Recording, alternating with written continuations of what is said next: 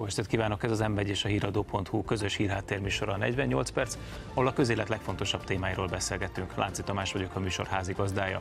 A mai évadzáró adásban az elmúlt fél év legfontosabb eseményeit és folyamatait elemezzük Bajer Zsolt íróval, Réz András filmesztétával és Fodor Gáborral, a Közép-Európai Rendszerváltás Kutató Intézet igazgatójával. Köszönöm szépen, hogy elfogadtátok a meghívást. Azt hiszem, nem árulok el titkot, hogy a háborúval fogjuk kezdeni ezt az értékelést. Mégiscsak ez volt a legnagyobb hordai esemény az elmúlt fél évben. Február 24-én speciális katonai műveletek indultak el Ukrajna területén. Szerintetek, hogyha majd visszatekintünk 5-10 év múlva erre az időszakra, akkor hogy fogjuk megélni? Hogy ez egy trendforduló volt, valami nagy dolog volt, vagy egy, egy érdekes esemény, amely tulajdonképpen 10 év múlva nem fog olyan jelentősnek tűnni? Hát szerintem a trendforduló, én arra szavaznék, tehát hogyha belegondoltok, épp a napokban jutott eszembe, hogy annak idején 2001 szeptember 11-én, amikor néztük a tévéadást, sokkoló volt, de nem gondoltunk arra, hogy tulajdonképpen vége van egy komoly történelmi szakasznak, és egy új kezdődik el. Ugye a 89-90-es rendszerváltások a lényegében a 20. század lezárult, és 2001-ig volt egy kegyelmi időszak. 2001-től a világ alapvetően változott, meg azt akkor abban a pillanatban még nem tudtuk, hogy milyen irányba fog menni. Most is szerintem valami ilyesmi van ezzel a háborúval. Szerintem lényegileg meg fog változni Európa képe is.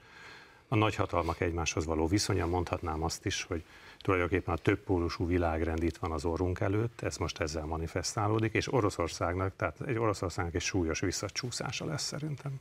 Hát, András? Ja, van nyugodtan, csak én itt közben itt magamban rágódom ha, ezen. Hogy... Ha kicsit ironizálni akarnék, bár nem akarok, akkor azt mondanám, hogy ha tíz év múlva még vissza tudunk tekinteni erre a mai korra, akkor, akkor nem Csak tudom. tíz év múlva ez a dal legyen. Nem tudom, mit fogunk mondani. Én nem vagyok egy félős fiú, de most félek, és nem, nem önmagában az orosz-ukrán konfliktus attól félek, hanem ami azóta itt ebben a három hónapban, vagy négy hónapban, vagy öt hónapban történt. Szóval, hogy ha csak az elmúlt egy hetet végignézem, úgy tűnik, mintha szép lassan mindenkinek kezdene elmenni az esze. A Baltikum kardot ránt, Kalinyi, azt mondja a volt észt belügyminiszter, hogy a NATO elveszi Kaliningrádot az oroszoktól. Ja, kösz.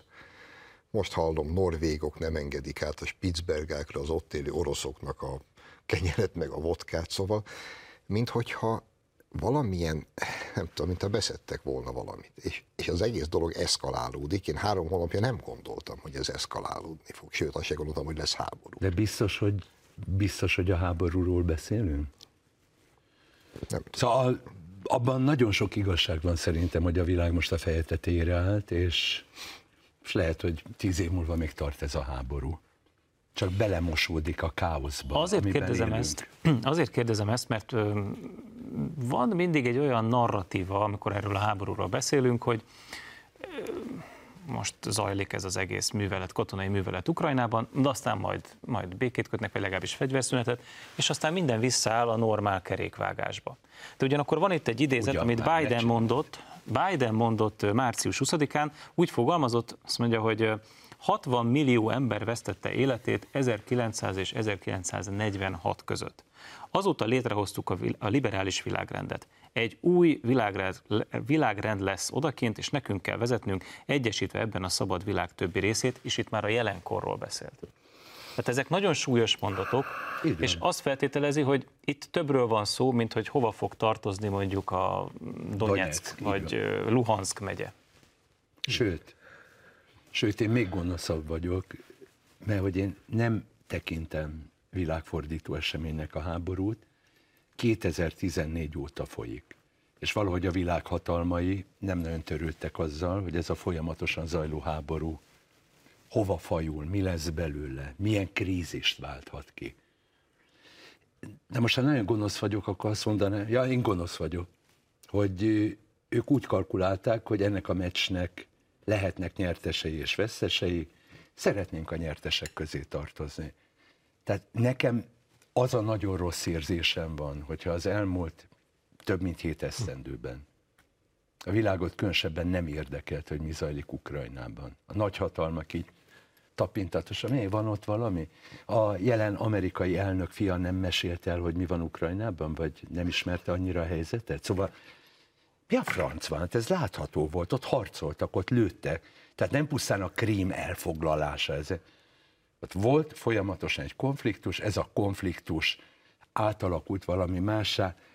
Igen, amit nem de, értek de egyébként, nem, hogy mi a célja. Nem, azért hadd vitatkozzak veled az ügyben, a szimbolikus eseményeknek van jelentősége, tehát én előbb felhoztam itt 2001. szeptember 11-ét, tehát előtte is volt terrorizmus, persze, tehát nem mondhatjuk azt, hogy a semmiből érkezett. Mégis az ikertornyok leomlásának önmagában van egy fontos szimbolikus üzenete. Szerintem ez a háború ugyanez. Igazad van persze. Már a Krímmel elkezdődött. De én egy cinikus dög vagyok, aki azt az mondja, van, hogy igen. a szimbolikus eseményeket beszopjuk, mert mi vagyunk De a túszok és az áldozatok. Ugye, azok kellenek ahhoz, hogy a, hogyha, hogyha, amit a Tamás föltett és kérdés, hogy most trendfordulóról beszélünk, vagy sem, kell hozzá, mert ezek szimbolikus események szembesítenek minket azzal, hogy itt tényleg ne. valami más, más dolog. Nyalogban sem értek egyet ezzel, pontosan azért, mert itt érdekviszonyok vannak.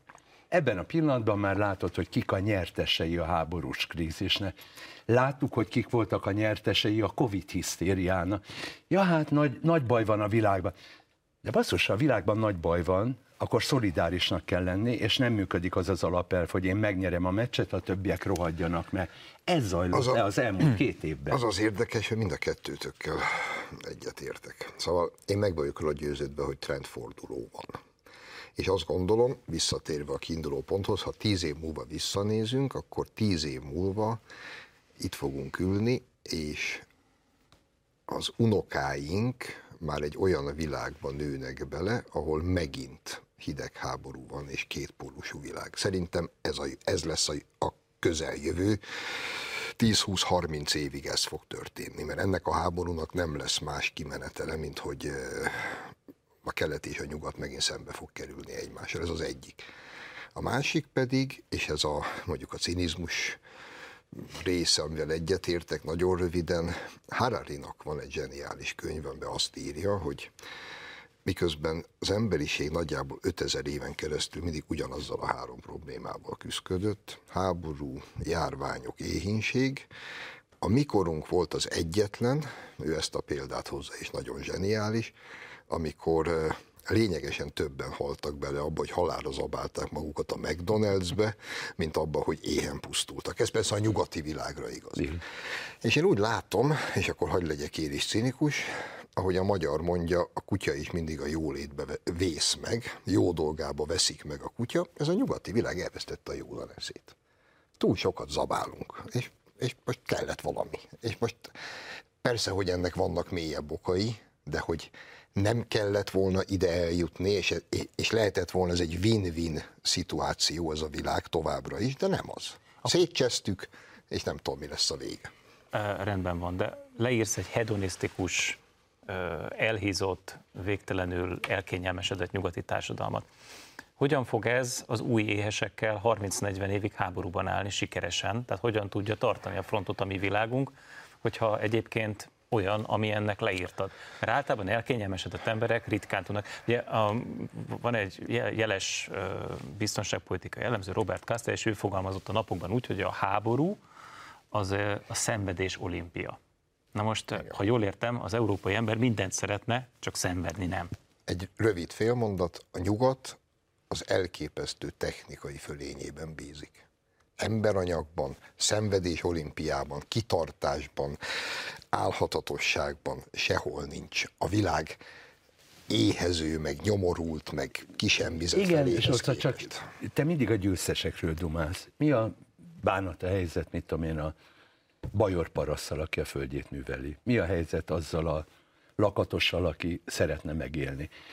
Szóval, amit mondtál, ez egy baromi fontos kérdés, mert meg fogják nyomorítani őket, ahogy az elmúlt két évben történt. Zéró szolidaritás, senkit nem érdekelt, hogy a világ vesztesei hogyan élik túl, senkit nem érdekelt, hogy szétesik minden, hiszen a nyertesek, köszönjük szépen, ugyanolyan frankón élték tovább az életüket. Azért furcsa, mert a Menj hidegháborúban, a hidegháborút azért az Egyesült Államok az én értékelésem szerint részben azzal nyerte meg, hogy nyugaton épített egy nagyon élhető, gazdag világot, amiben mindenki tartozni szeretett volna. Most viszont ezzel egy ellentétes tendenciát látunk, tehát a német politikusok arról győzködik a saját lakosságukat, hogy mondjanak le azokról a még csak jólétinek se nevezhető vívmányokról, amelyekről azt gondoltuk, hogy az európai ember számára, tehát ezek az adott feltételek, amik között le fogja élni az életét, tehát hogy kimossuk a ruhánkat, lefürdünk, amikor kedvünk tartja, Nem, beülünk az fontos. autónkba és Abszolút, autózgatunk. tehát a napi Na de hogyan lehet nyerni? feladnod. Hogyan lehet úgy nyerni, hogy a mi világunk az zsugorodik, lebeszéljük magunkat a fogyasztásról, lebeszéljük magunkat arról, hogy egyáltalán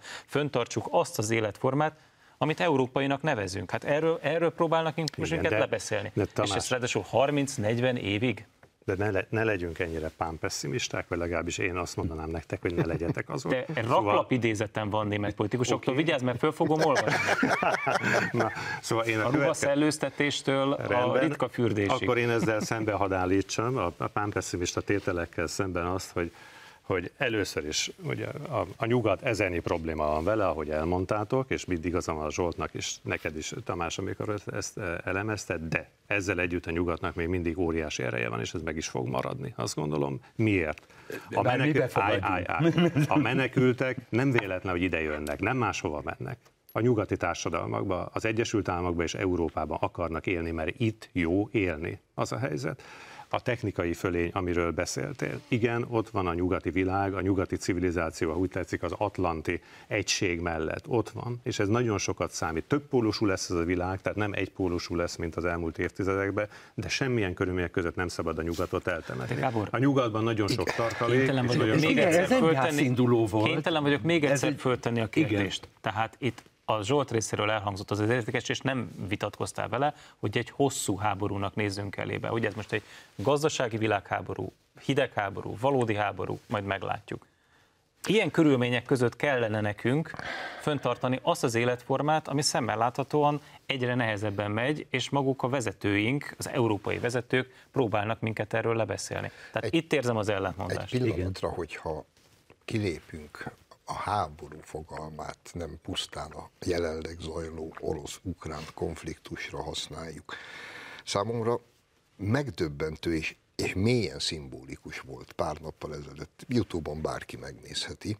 Ugye most megint a marokkói spanyol enklávéba 5000 afrikai próbált meg áttörni, de ez a szó legszorosabb értelme. Háborús jeleneteket látsz, és aztán a spanyol határőrség, ezek a kevlár mellényes emberek földön fekvő feketéket vernek agyba főbe, akik ordítanak. E, Ez a, az orosz-ukrán konfliktus nyugati fele a- az, az inverze. Ott is háború zajlik. És azért jó a kérdés, és nem tudom rá a választ, mert eh, én szoktam ezen gondolkodni. Ma Afrikában él nagyjából 1,2 milliárd ember. Minden demográfiai előrejelzés azt mondja, hogy 10-15 éven belül ezek meg fognak háromszorozódni. És már most nincs mit enni és inni. Hagy tegyem föl én is a kérdést. Ha elindul, nem te, 500 millió afrikai egyszerre, akkor mit fog csinálni a nyugati világ? Mit csinálunk? Azt fogja csinálni a nyugati világ, Zsolt, hogy egy- egyébként igazad van, ez egy pontosan, ez egyik legnagyobb probléma, ővel szembenéz az egész világ, szerintem. Tehát most a, az, az orosz ügyet nem mellékesként kezelve, ahol Oroszország ugye abban a rettenetes helyzetben van, hogy egyfelől szégyenteljes módon megtámadta Ukrajnát, másfelől pedig ugye atomfegyvernek a birtokosa ezáltal zsaroló potenciálval van szembe a világgal, tehát most félretéve ezt a, ezt a nem mellékes problémát, hogy egy atom nagyhatalommal van gond, amellett a, a tartós, stabil, elkövetkezendő évtizedek állandó problémája ez lesz, amit mondtál, hogy jönnek, jönnek az éhezők, Figyeljetek, jönnek, elmentetek Afrikába, és azt mondjátok, hogy 30 éve mi lesz, meg azt kérdezem, hogy jövő ilyenkor itt Magyarországon mi lesz, Európában mi az lesz? egy más kérdés, András. Nem, az a fontos de most kérdés. hosszú távú de könyörgöm, mi itt élünk. Jó, jó, majd arról is fogunk beszélni. Beszélünk szerintem. arról, hogy mi 30 Szerintem a Tamás év föl múlva- fogja majd tenni ezt a kérdést, hogy Magyarországon mi lesz egy év múlva. elvittétek egy olyan irányba, amit én nem szívesen folytatnék, mert ezek a sötét jóslatok, mi lesz Afrikában. fogalmam sincs. Van róla fogalmatok, hogy jövő ilyenkor hogy néz ki Európa? Mert nekem nincs. András, Én rohadtul tanács Nincs, de vagyok. a, az De aggasztóbb, optimista nem vagy. az aggasztóbb, hogy úgy tűnik, hogy az európai vezetőknek se sok, mert hogyha az ő nyilatkozataikat nézzük, akkor mondjuk úgy, hogy eléggé széttartó, egyébként ők is nagyon pessimisták, és a problémák exponálása után nem nagyon látjuk a De válaszokat. figyelj, Tehát- ők lennének a döntéshozók. Ők voltak azok, akik ők lennének, két ők éve azok. Na, de ne a háborúnál már. súlyosabb Ez egy- bombát robbantottak, lezárták a világot. Oké, de ez egy szakma, hogy azzal foglalkozol, hogy prognózisokat adsz a jövőre nézve, és ezek van. Az más kérdés, hogy ha mi, talán itt az Elnézést, asztalnál... meséld el a bevált Ha itt prognózisokat. az asztalnál mondjuk a Tamás megkérdezi tőlünk február elején, hogy lesz-e háború, lehet, hogy mindannyian azt mondtuk volna. Én biztos, hogy azt Én mondtam is, volna, hogy hát nem. én mondtam is, kaptam Így is van, a hogy nem. Lehet, hogy az András is azt mondta nem, volna. én azt mondtam volna, hogy fogalmam nincs, Oké. mert nem ismerem annyira a Rendben, területet. én meg azt mondom, András, hogy vannak prognózisok, és persze a prognózisok, mert ilyenek vagyunk mi emberek, természetesen nem száz százalékban teljesülnek, de nagyjából szerintem el tudjuk mondani, Csak a főpolgármestert idézhetem, aki a választások után azt mondta, benéztük. Oké. Na ennyit a Az a főpolgármester, azt most tegyük félre, tehát most komolyabb dolgokról beszélünk, tehát a helyzet az, hogy vannak azért olyan tendenciák, amelyek szerintem felrajzolhatók, és ezek közé egy csomó valóra is válhat. Tehát a nyugat nem fog eltűnni, a nyugat erős, a szabadság iránti vágy nagyon erőteljesen ott van az emberekben, nézzétek meg. Ez még bizonyításra szorul, Nem amit szorul, most nem szorul bizonyításra, hadd egy mert picit. Hongkongban ezért tüntetnek, meg Kínában ezért tüntetnek. Hadd lendítsem tovább egy picit a beszélgetésünket, mert többször elhangzott, hogy nyugat. Igen. És ezt úgy kezeljük, ezt a fogalmat, mintha ebben nem lennének azért törésvonalak. Tehát amikor nyugatot mondunk, akkor azért kénytelen, vagy ki kívánkozik belőlem, hogy megkérdezzem, hogy vajon Európa és Amerika ugyanaz, ugyanazt gondolja erről a háborúról. Ugyanolyan elszenvedője az amerikaiak és az európaiak ennek a háborúnak? Nem. Szerintem sem. Ennek a És, háborúnak a ö, nyertese az Egyesült Államok, és ő diktál Bocs, bocs, Európának. Kanadát ne felejtsd el, mert erős gabonatermelő, és brutálisan föl Igen, ez a mai hír, hogy. Kanada a nyertes, így van. Kanada. Na hát megint Trudeau járt jól, de, de Putyinnak volt egy beszéde e, éppen a múlt héten Szentpéterváron e, egy gazdasági fórumon, és azt mondta, hogy az Európai, az Európai Unió elveszítette a politikai szuverenitását. Azt mondja, a bürokratikus elitje pedig valaki más dallamára táncol. De ez így van. Ebben, ebben speciál Putyinnak De igaza van. Gábor szeretném szembesíteni ezzel, Igen. hogy hogy gondolod? Reagálj Putyinra. Hát az, hogy én magamban mosolyogtam, amikor ezt mondtad, mert az jutott eszembe, hogy mennyit hallottuk ezt a szöveget a Kádár rendszerben annak idején, hogy az imperialisták azok ugye itt az ellenzéket irányítják, meg akinek valami kritikai hangja volt, az más dallamra táncol. Szóval én Nekünk ezeket, is mondták, mikor Nekünk is mondták, pontosan, amikor Fideszt alapítottuk, így van. Ugye Lásd Besúgó című história, ami erről szól a 80-as évek, meg szakkollégium mozgalom, meg egyebek. Szóval az a helyzet, hogy én ezeknek nem hiszek az ilyen zöldségeknek. Tehát az, hogy a Putyin mit mond egy dallamokról, az engem nem érdekel. Az igaz, viszont amit Tamás te mondtál, hogy az amerikai érdekek nem mindig esnek egybe az európai érdekekkel, tehát amikor nyugatról beszélünk, abban teljesen igazatok hogy differenciálni kell, de mégis vannak alapvető elemek, amelyek összetartják ezt. Én ugye atlanti civilizáció kifejezést is használtam, amiben Kanada, Amerika, Európa benne van, Ausztrália, minden. Tehát az a helyzet, hogy ennek a, ennek a civilizációnak, ennek a kultúrkörnek, ennek a gazdasági egységnek hatalmas ereje van, és ennek a szívó ereje meg fog maradni az elkövetkezendő Ez évtizedekben. hogyan fog megmaradni nyersanyagok nélkül, élelmiszer nélkül?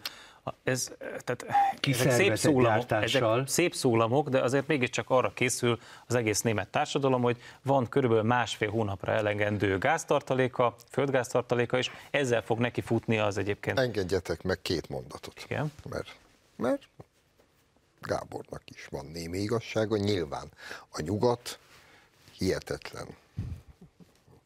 Az, e- a, a, az emberi civilizáció csúcsát hozta létre. Ezt szögezzük le. Oké. Okay. Egy bajom van azzal, amit mondasz, ezzel a megmaradással. Szerintem, ha úgy az 5. század első évtizedében valaki egy római polgárt felkeresett volna, és azt mondta volna, hogy jó napot kívánok, mit szól hozzá, hogy 70 év múlva nyugat-római birodalom nincs? Akkor mindenki azt mondta, hogy hülye maga. Hát mi az, hogy nincs? Hát mi vagyunk a világ teteje. Hát ennél fantasztikusabb birodalmat senki nem hozott még össze a földön. Hát mi az, hogy nincs? Mi örökké leszünk. És 70 év múlva, hus, így tűntek el. Lehet mondogatni, mint az ember, amikor fél az erdőbe és fütyűr, hogy mi tuti megmaradunk.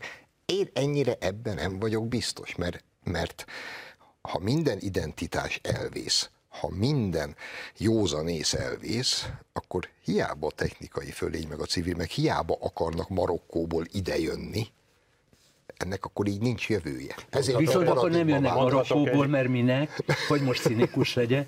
De figyelj, most De szemben egy... állunk valamivel, és azért mondtam, hogy próbált bizonyítani.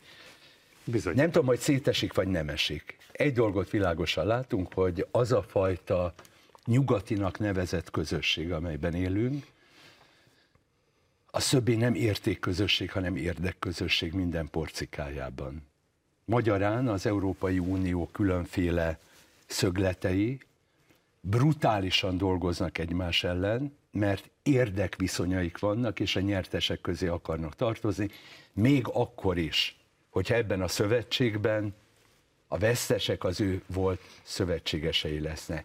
Digitáliába kényszerítenek be, ami viszont egyben azt is jelenti, hogy a hagyományos közösségeket brutálisan lerombolják, ott ülsz majd egyedül az ótvaros monitorod és a billentyűzeted előtt, és majd gyakorolhatod a szabadságjogaidat, amelyet éppen tegnap vettek el örökre. Szóval ez nem egy megnyugtató állapot, ami most van. Ne, az a helyzet, András, hogy egy mondatot hadd mondjak neked, látod, birkózik jelen pillanatban ez a világ, pont, tehát nem értek veled egyet, birkózik azzal, hogy az érdekeim és az értékeim között hogyan döntsek. Pont erről vitatkozunk sokszor, hogy nem tudja megfelel megtalálni az egyensúlyt, sokszor az értéket fontosabbnak tartja, mint az érdeket, és abból ezer probléma származik. A Zsoltnak a felvetésre pedig annyit hadd mondjak, szerintem ez egy nagyon jó, és ez egy, ez egy hogy nem, ütős példa, amit mondtál a római birodalomról. Egy lényegi különbség van, az, hogy a római birodalom hódított, az Európai Unióba pedig itt állnak az országok, hogy felvegyék őket, mert tagok szeretnének lenni. A római birodalommal nem álltak sorba, hogy tagok szerettek volna lenni. Dehogy is. Hát dehogy hogy nem. Hát ment a, ment a, mentek a légiók és meghódították őket, nem akartak önként csatlakozni, az a helyzet. Éve, hát bocsánat, utána 300 évvel későbbi állapotról beszél a Zsolt,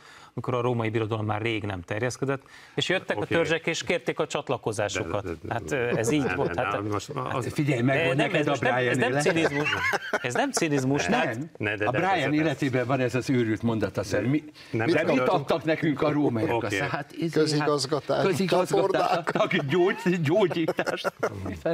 Na jó, mondja a Judea népe, vagy nem tudom. Okay, szóval, szóval más, a római, más a római birodalom, és más az, ahol szabad akaratodból döntesz. Az a helyzet, más az Európai Unió, más az Egyesült Államok egészen. Azért más, azért, ahogy mondtad, azért tudott lenni ez a civilizáció, az ember számára egyelőre az a civilizáció, amely a legtöbb szabadságot, legtöbb méltóságot és a legnagyobb anyagi jólétet adja. Szeretem ezt a történelem leckét, de én a jelent nem úgy értékelem, ahogy te mondod. Én pontosan azt láttam, és ezért hivatkozom mindig a, az elmúlt két év eseményeire, mert azok valamilyen módon fölpörgettek egy olyan folyamatot, amely korábban kezdődött el, a személyes szabadságot korlátozását, a szólásszabadság korlátozását, a szabad költözködést. Az elmúlt évek azt mutatják, hogy az az Európa, amelyik ilyen rohadtul vonzó volt. És figyelj, mikor volt a népszavazás, én ott ültem egy rádióstúdióban, és megpróbáltam elmagyarázni a hallgatóknak, hogy nem, ez nem az uborka görbületéről szól. Még emlékeztek, volt ez, hogy és akkor nem lesz Mákos Beigli? És én ültem, mint egy hülye, és mondom, most hogy magyarázzam el, hogy ez egy fontosabb ügy? Lehet, hogy akkor egy picit tévedtem, mert ebben a pillanatban uborka görbület van, hogyan szabályozzuk a városokban a gépjárművek maximális sebességét, a GDPR, az De nem tudom, most figyelj. azon törik a fejeket, a hogyan kell szabályozni a közösségi Kénytelen vagyok félbeszakítani titeket, mert az első, az, időnk. az oh. első, az első részét, igen, most majd, elmegyünk, majd folytatjuk. Egy rövid szünetet tartunk, de a műsort a hírek után folytatjuk ugyanitt, az m és a híradó.hu-n, szerintem megéri velünk tartani.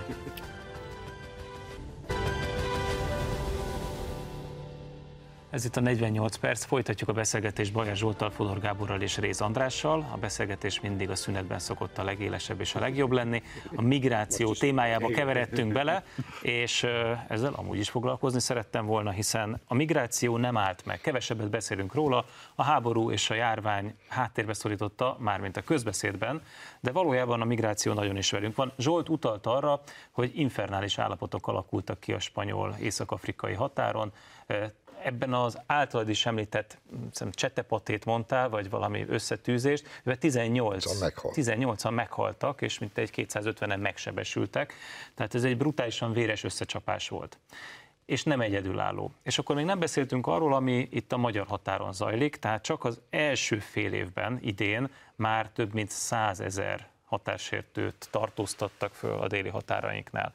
Ezek a számok azért 2015-re kezdenek már emlékeztetni, tehát szemmel láthatóan egy, egy újabb migrációs hullám, egy újabb migrációs nyomás az, ami, ami ránk nehezedik. A kérdésem az az, hogy miközben itt csendesen eszkalálódik ez a helyzet, egyelőre nem robbant be. Ti számítotok-e arra, hogy berobban valamikor? Nem tud nem berobbanni, szerintem. És akkor és utána el is hallgatok hosszú időre. Szóval a nyugatot dicsértük itt az első részben, mint az emberi civilizáció, meg kultúra, meg jólét felső fokát. Egy apróságot tegyünk hozzá. Ez egyébként az a nyugat, amelyik a 15. századtól kezdve abból lett nagy, gazdag és csodálatos, hogy a világ összes többi részét leigázta, brutálisan kirabolta, a kultúrákat eltüntette, és maga mögött hagyott egy roncs társadalmat. Ez, ez, ez a nyugat. Tehát a nyugat az ez is. És most visszanyal a fagyi. És ezek a roncs társadalmak, amik egyébként szemben a nyugattal nemhogy méltóztatnak szaporodni, hanem elképesztő módon demográfiai robbanásokat hajtanak végre szemben a nyugattal, ahol meg pont a negatívba fordult ez az egész történet. Ezek a roncstársadalmak özönlenek ma Észak-Amerikába és az Európai Unióba, és lehetne ezt orvosolni szerintem, pénz, paripa, fegyver, akár lenne is rá, hogy mint egy marsal segéllyel megsegítsük mondjuk Afrikát, a világ nyugati fele, és, és, és előállítjuk azt az állapotot, hogy az afrikai emberek otthon, odahaza meg tudjanak élni tisztességgel, és legyen ivóvízük, meg orvosi ellátásuk. Ehelyett mit csinálunk, és ez nekem a múlt hét szimbolikus, csodálatos híre volt, a belgák visszaadják Patrice Lumumba aranyfogát a családnak. Hmm. Tudod, itt, itt hullott ki a hajam. Ez, ez volt ez, ez egy fontos szimbolikus gesztus. csak a nézők kedvéért Zsolt, mert erről te írtál, és meséljük el, hogy hogy zajlott ez a történet, ki is volt Lumumba, és pontosan mit is Belga Kongó, els, ő egy szabadsághős volt, az első, szab, amikor Kongó felszabadult a belga gyarmati uralom, ő volt az első miniszterelnök, akit egy 1961-ben gyerekek, nincs még 20 évvel nem vagyunk Hitler után az ENSZ békefenntartók szeme láttára belga zsoldosok elrabolnak, brutálisan megölik, földarabolják, és savban föloldják a holttestét, majd összeszedegetik az aranyfogakat, és hazaviszik. Na erre, de itt kész, itt vége van. És eltelik 62 év, és áthívják a családot, és ünnepélyesen kis kék dobozba visszaadják az aranyfogakat. Na elmegyünk, mit tudod hova. Ilyenkor mondom azt a nyugatról, hogy nem mondom. Na jó, ne, ne, mert igen, ne is mond, mert ezekben neked igazad van, hogy mondjam a, a, konkrét példákba, de a, hogy mondjam, az összteljesítmény, az összkép más természetesen, szóval nem tudod a, a nyugat mondjam, szemére vetni valójában, hogy hogy hódítások zajlottak évszázadok ezelőtt, mert minden birodalom hódító volt. Erről szól az emberiség története, amiről beszélünk, a civilizáció. Nem igazad van, nem menjünk bele a cancel culture-be, amelyik azt mondja, hogy hát szóval most verjük el kínai, a mindenki. A kínai birodalom ugyanezt csinálta, a japánok ugyanezt csinálták, az indiánok egymás közt ugyanezt csinálták, a mongolok keletről jöttek, és ugyanezt csinálták. E, az emberiség civilizáció pont arról szól, hogy a végtelen kiszolgáltatottság, az ember, az egyén Van végtelen kiszolgáltatottságát hogy mi most viszont próbáljuk szabadságra, méltó valóságra váltani. Morális bűnöknek a súlya alatt, mint hogyha összeroppannánk, és szépen lassan lényegében felszámoljuk ettől a, felszámoljuk, felszámoljuk önmagunkat. De az egy Tehát az egész migráció, hát nem, de, mert de, az egész migrációhoz való viszonyunkat ez határozza meg. Okay, Tehát de... annak az egy-két gyarmattartó, volt egykori gyarmattartó birodalomnak a lelkismeret furdalása, amely most képtelen azt mondani, hogy nem, tehát Jó, de Tamás, nem kérünk a migrációból, majd túl hanem... lesznek rajta, majd túl lesznek rajta. Az Egyesült hát... Államok nem volt gyarmattartó birodalom, Európában se volt mindenki gyarmattartó birodalom. Akinek van lelkismeret furdalása, majd, majd túlesik rajta, az a helyzet. A cancel culture meg szerintem Orwelli dolog, tehát az, az egy, az egy súlyos szabadságot veszélyeztető história, azt most vegyük ki a képből szerintem, mert én attól hajamszála égnek áll mindig, amikor szóba kerül, ez egy szörnyű dolog, ugye én liberálisként minden olyan púrusommal tiltakozom ellene, De visszakanyarodva erre, amit, amit te mondtál, szóval az a helyzet, hogy én azt gondolom, hogy, hogy a, nyugatnak nagyon sok, tehát a nyugati civilizációnak pont ezért a szabadságra és a méltóságra való építésben nagyon sok ereje van.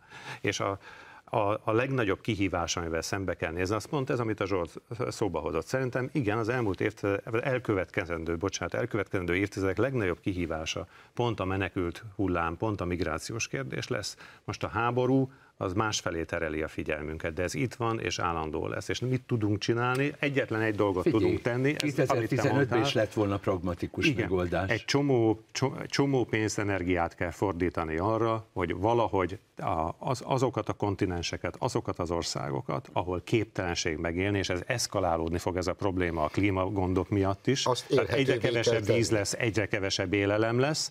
Tehát az egész klímahelyzet csak eszkalálja ezt az egész kérdést, a demográfiai problémát problémákkal együtt.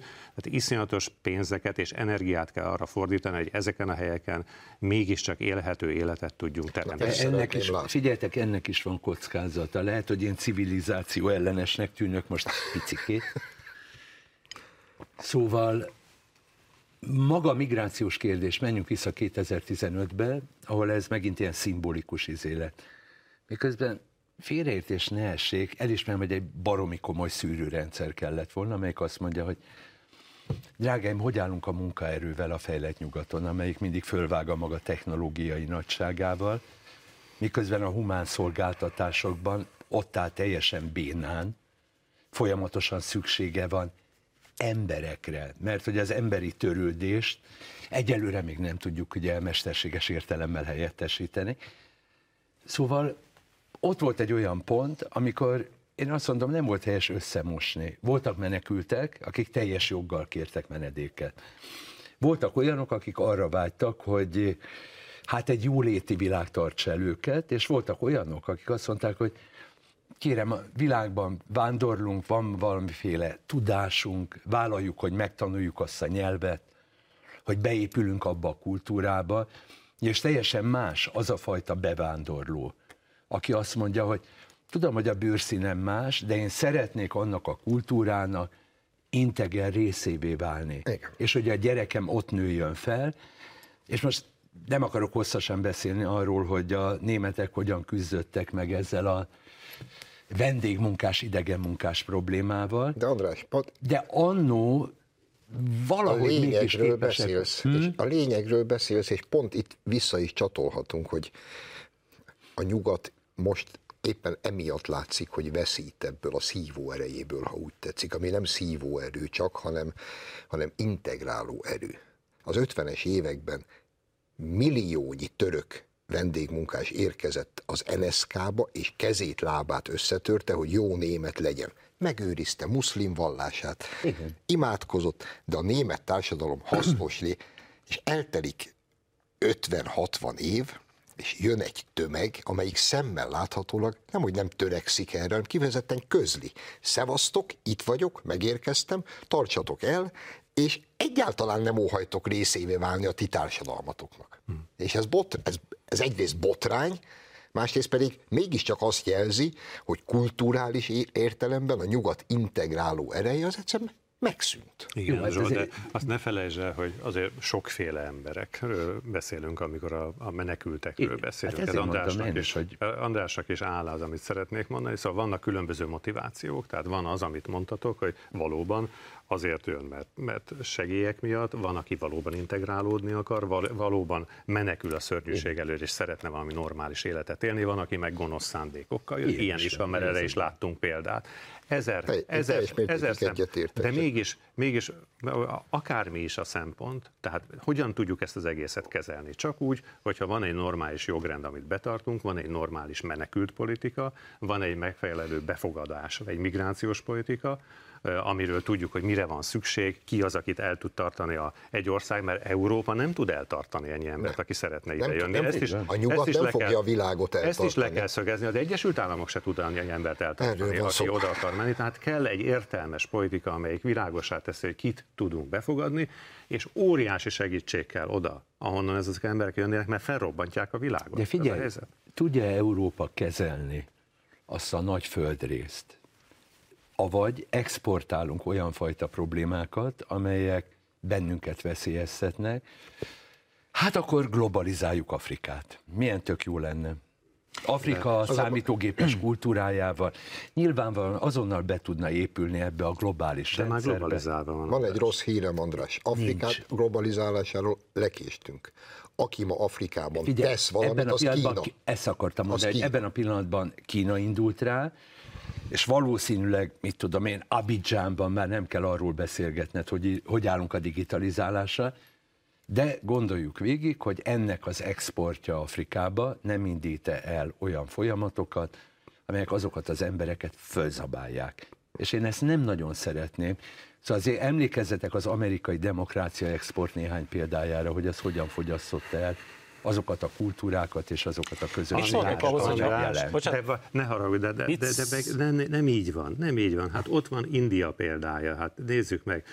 India, vagy ott van Kína példája. Ha nem lenne globalizáció, ha nem lett volna a nyugati világ, hát most is százmilliók, milliárdnyi ember éhezne Indiába és Kínába, az a helyzet. A globalizmus Tehát első tehát fordulóját az 1800-as években tartották a britek De Kínában. jó, Addig igen. egész jól el voltak. Oké, ópiumháború, Aztán de egy két most- ópiumháborúval sikerült ra- rommá rakni száz évre azt az országot. De, Indiában De most nem a egy jó 19. szipolylázadás századról beszélünk, Tamás, hanem hát, másról, hanem de a globalizáció története arról- nem ma kezdődött, hanem arról, a- akkor, a és erre jól emlékeznek a kínaiak is, vagy meg fehér a... pusztán, hanem annak is van egy csomó pozitív oldala. Az a helyzet. Például ez ez, a- ez a tapintatosan említsük meg, Na, hogy milyen negatívumokkal jár a globalizáció. Oké, okay, a nyomorból emeli fel az embereket, ez a helyzet. Állj meg egy pillanatra, vagy nyomorba dönti. Tudod, én pár évtizedet lehúztam a reklám szakmában, ahol ugye az volt a dolognak az érdekessége, hogy voltak olyan kampányok, amelyek kiváló termékeket próbáltak eladni, több-kevesebb sikerrel Afrikába. Jellemző példa. Itt van az anyatejpótló, hiszen az éhezés megoldására, meg a gyerekhalandóság megoldására tökéletes. Iszonyatos mennyiségben elindult a cucc, semmi más dolgod nincs vele, mint hogy feloldod vízben. Egy dolog hiányzott, vizet adni. Ugyanis, hogyha abban a vízben oldod fel, Akkor meghal a csecsemő. akkor meghal a csecsemő. Ja, hogy nem jutott eszükbe? Ó, benéztük, na nem baj, majd legközelebb. De ez elvezet minket egy másik témához, csak hadd kérdezzelek meg titeket. Tehát a nyugat a történetmesélésben, most szerintem pont erről volt szó, Így van. a történetmesélésben eddig egészen zseniális volt. Egy kicsit úgy érzem, hogy túl zseniális is. Tehát van a valóság, zajlanak események, gazdasági folyamatok, nyersanyaghiány fenyeget, stb. És itt Európában pedig mesélünk egy mesét. Kicsit azt a mesét, amit te, hogy mi vagyunk a világ legklasszabb része, gazdagok vagyunk, technikai fölényünk van vagy így van, vagy nem. Vagy tudunk ebben élni, vagy nem. És a történetünk, az, a narratívánk az nagyon erős, ehhez rengeteg eszközünk van, a filmek, az internet, Facebook, stb. De olyan ezeknek meddig tart ki az ereje? És bocsánat, csak még magamnál tartva a szót. A, meg, tudjátok, meg tudjátok nekem mondani például, hogy ki nyerte, melyik film nyerte az Oscar díjat most idén? András biztos meg tudja. Te nem játszol, mert neked ez a szakmád. De azt akartam mondani, hogy a pofon. Nem tudom, fogalmam. Fogalmat sincs. Ki volt a legjobb férfi szereplő, női szereplő? Mint hogyha, tehát azért úgy érezzük, Elveszítette a jelentőséget. elveszítette a jelentőségét. Teljes és maradt az a rohadék pofon.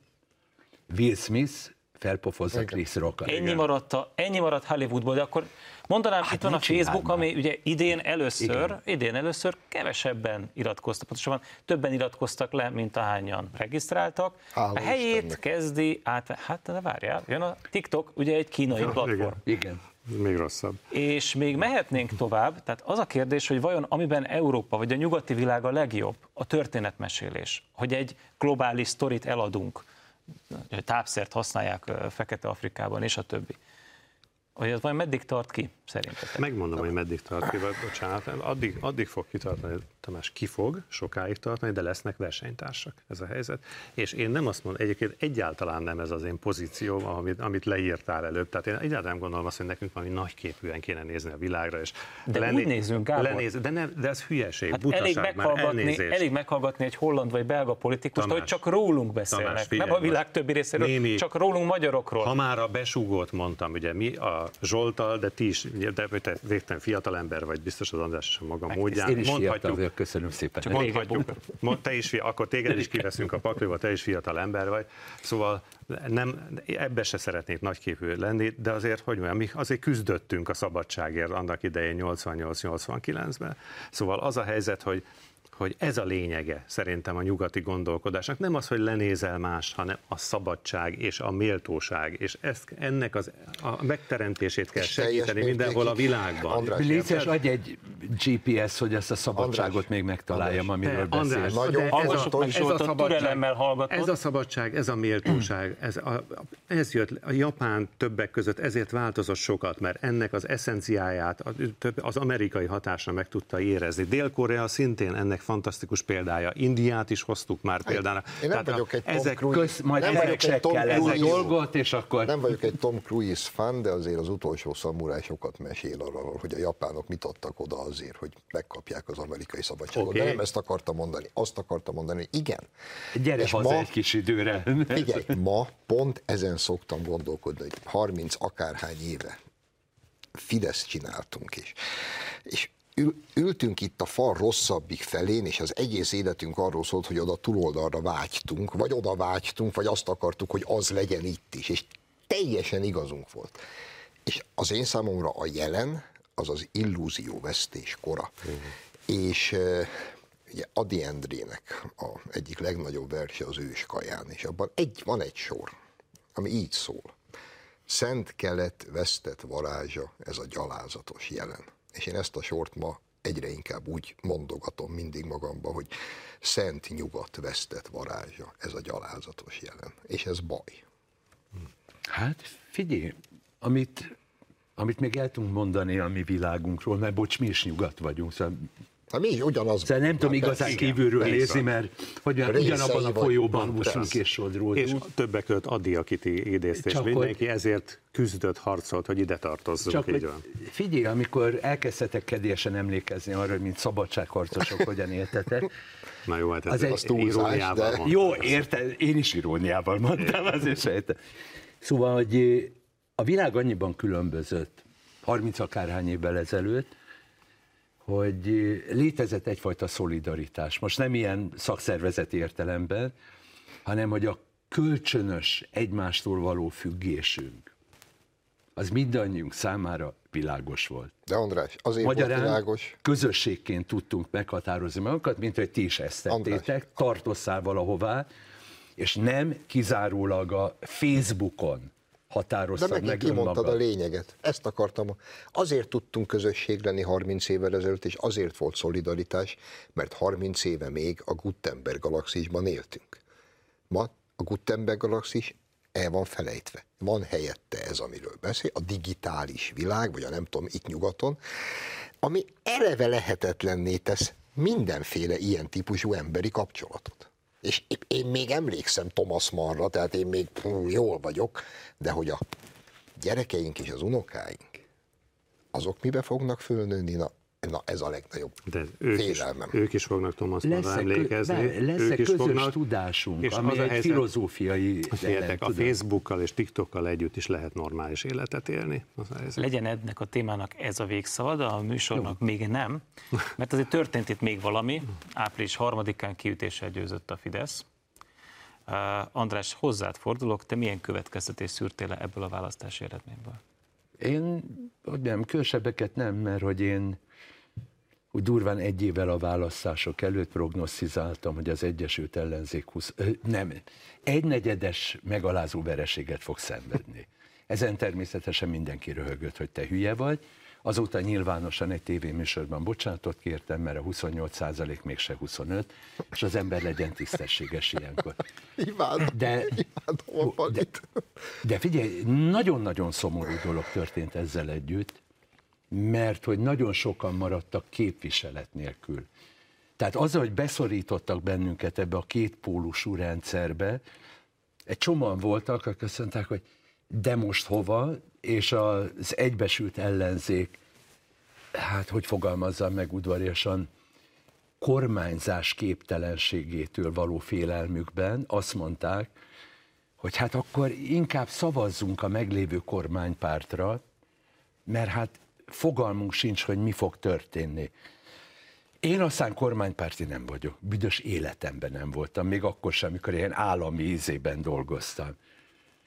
És akkor én is elgondolkodtam nagyon mélyen, hogy az, ami itt történik, és ami április harmadikán az ismert eredményre vezetett, az megnyugtatna engem. Szóval, hogy, hogy mi történik velünk, amikor nem volt világos, hogy ők mit akarnak, egymásnak ellent mondtak nagyon sok kérdésben, és valószínűleg a vége, de ez az én dilim, tudjátok, amikor megfenyegettek azzal, hogy az oltatlanokat már jól levadászák és beoltják, akkor azt mondtam, ez az én konzervatív liberális eszméimmel összeegyeztethetetlen, és egyáltalán az a gondolat, hogy itt a szabadságomat ezerféle módon korlátozzák, nem fér bele, hát akkor most mit csináljunk? Ki fog engem képviselni? Meg ki fog egy csomó embert képviselni, aki zavarban Ki volt? képviseli Andrást, Gábor? Az a helyzet, hogy szerintem április 3-nak ugye az egyik nagy tanulsága, amit az András is mondott, folytatva ezt a gondolatmenetet, az, hogy szerintem beszélhetünk arról, hogy megszűnt az ellenzék Magyarországon. Szerintem ezt még az ellenzéki pártok nem tudják, vagy nem, nem esett le a Az tantusz. okosabbja már sejti. Nem esett le a tantusz, de lényegében megszűnt, és valójában én azt gondolom, hogy jó, most nyilván Tamás meg a Zsolt ugye egyértelműen a kormánypártok oldalán áll, de szerintem ezt ti se örömmel látjátok ezt a folyamatot. Nem jó az országnak az, hogy lényegében kész. Tehát nincs ilyen. De az ellenzéki szavazóban szerintem olyan mérhetetlen csalódottság van, és olyan elkeseredettség, reménytelennek látja ezt az egész helyzetet. Nincs ellenzék ma Magyarországon. Tehát az, amit a, a, a különböző nevüket se érdemes kimondani, pártok csinálnak, reménytelen, és ráadásul azt is hagyd tegyem hozzá, szerintem mindenki, aki szerepelt ebben a fiaskóban ellenzéki oldalról, az arra is reménytelen, hogy ebből fölálljon. Az a helyzet. Tehát, hogy itt Ed, ilyen szempontból súlyos a helyzet. Súlyos a helyzet bizonyos szempontból a Fidesznek is, sőt, egy nagyon súlyos, mert nagyon rossz az, hogy nincs értelmes kritika, nincs kihívás, nincs verseny a politikai palettán. Ma egy ilyen megdöbbentő szituáció állt elő szerintem. Nem, amit mondasz, ez tök fontos, hogy hatalomtechnikai szempontból ez marha nagy nyereség a Fidesznek, De de ha a moralitás, az értékek, a közösségek felől közelíted, akkor ez messze nem olyan üdvözítő Én helyzet. ezzel csak egy mondat erejéig vitatkoznék, aztán megadnám a Zsoltnak a szót, mert egy perc maradt hátra a műsorból. Jézus. Hogy ö, szerintem van verseny. A kormánypártokon belül egyébként egy nagyon éles verseny van. Ö, ennek egyébként lehet látni a jeleit. De Zsolt, te hogy látod? Ugye nyilván más az én szemszögöm, de szóval itt beszélgettünk az elmúlt háromnegyed órában a világ ügyeiről, és szerintem az április harmadiki, negyedik kétharmad az, az, az ebből táplálkozik. Én úgy látom, és most félretéve az összes többi ö, gondot, amit elmondtatok, egy részével egyetértek, másik részével nem, de szerintem a lényeg. A Fidesz-KDNP koalíciónak és ennek a politikai erőnek és ennek a szellemi udvara, ez mégiscsak mond valamit, olyan érvényes dolgot a minket körülvevő világról, meg Magyarországról, ami rezonál a társadalom nagyobb részével. Míg a velünk szemben állók, azok annyit tudnak, két dolgot tudnak mondani. Az Unió tök jó, a nyugat tök jó, Orbán meg dögöljön meg. És ez úgy tűnik, hogy ez kevés. Ez a végszó, ennyi fért bele a 48 percbe. Köszönjük figyelmüket, legközelebb szeptemberben találkozunk az m és a hírodó.hu-n. Addig is, ahogy mondani szoktam, tartsák szárazon és hűvösen a puskafot.